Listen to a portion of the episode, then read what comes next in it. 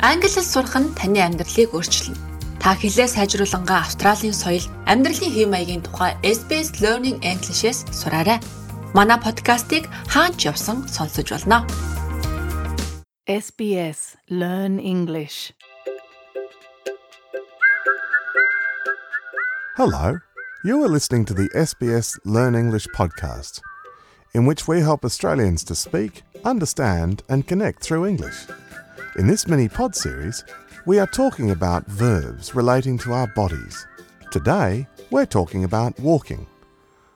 Walking can be anything from the first funny steps of a baby to those made by the astronaut Neil Armstrong on the moon, when he famously said, That's one small step for man, one giant leap for mankind.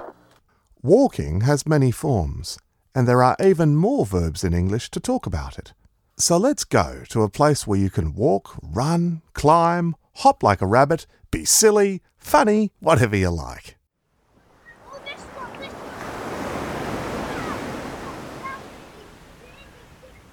The Bondi to Coogee Coastal Walk.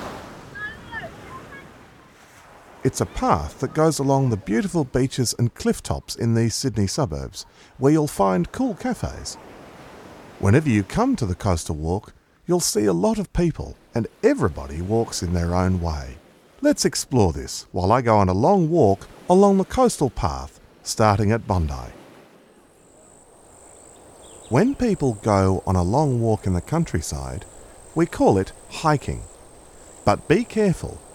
If you tell someone to take a hike, it means go away and is rude.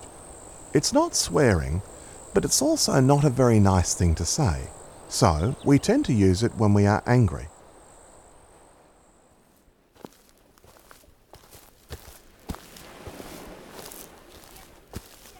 Sometimes this part of the path is really worth seeing because once a year you can see a lot of artworks made by artists from all over the world who show these sculptures in the Sculptures by the Sea exhibition.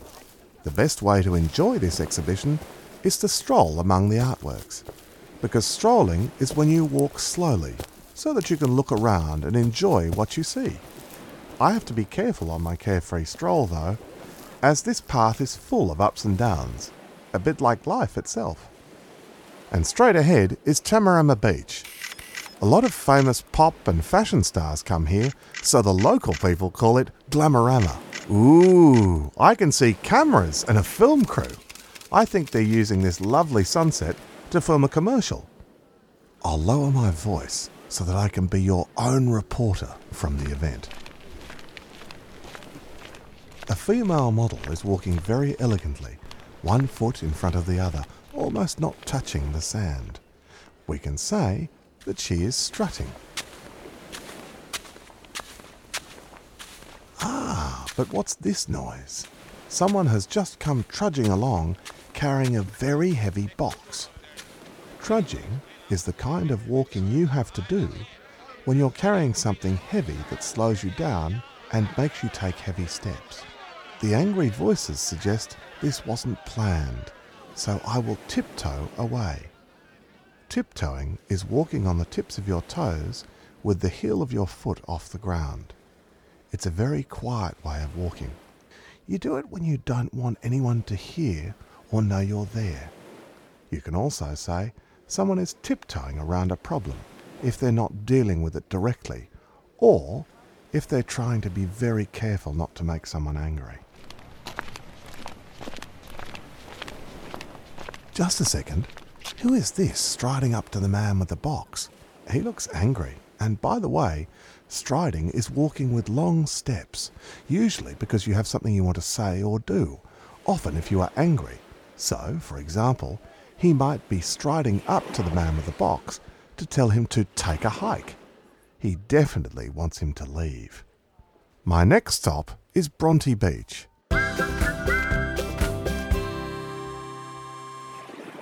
Here, there are rocks under the water which make swimming difficult, but they also make a lovely rock pool that has fresh water from the ocean that is beautiful and calm because it is sheltered from the waves. Next to the pool is a sandy path and here you can always see young children playing and walking about. We can say they are toddling. Toddling is walking with tiny, uncertain steps. Very young children walk like this when they are first learning to walk, and we even call kids that age toddlers. I left Bronte Beach and now I'm strolling by Waverley Cemetery to my next stop, Clovelly Beach. It's very swimmer friendly and nice. While some people rest and enjoy the sunset, I'm going to try power walking. This means to walk as fast as you can, but not run. It's great exercise. So it's very good for you, but it's much harder than it looks. Now I'm crossing Gordon's Bay. I'm getting a bit tired, so I think I'd better go back to strolling along the path. Ah. In fact, since I'm here, I'd like to see if I can see the birds that you can hear. I'm going to stroll away from the path. I hoped I'd just be strolling, but in fact I have to climb up. But I'm not on the path here, so I can't always see the best way to go. I'll have to tread carefully here because there are rocks and rabbit holes, and I don't want to fall over or hurt myself. To tread carefully means to watch where you step, but it also means to be careful about all kinds of things that have nothing to do with walking, such as what you say or what you do. So, whatever you do, tread carefully. Hi, birdies. Ah, and now they've stopped.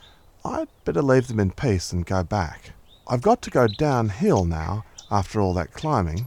By the way, we can use the phrase to go downhill when we're not talking about walking at all. We can say that something is going downhill if it's getting worse.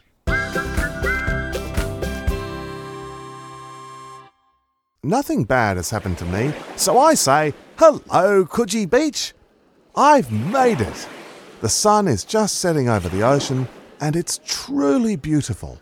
Well, I've really enjoyed my walk and all the different kinds of walking that I have described hiking, strolling, power walking, climbing, trudging, strutting, and toddling. Perhaps you can try these different walks one day too.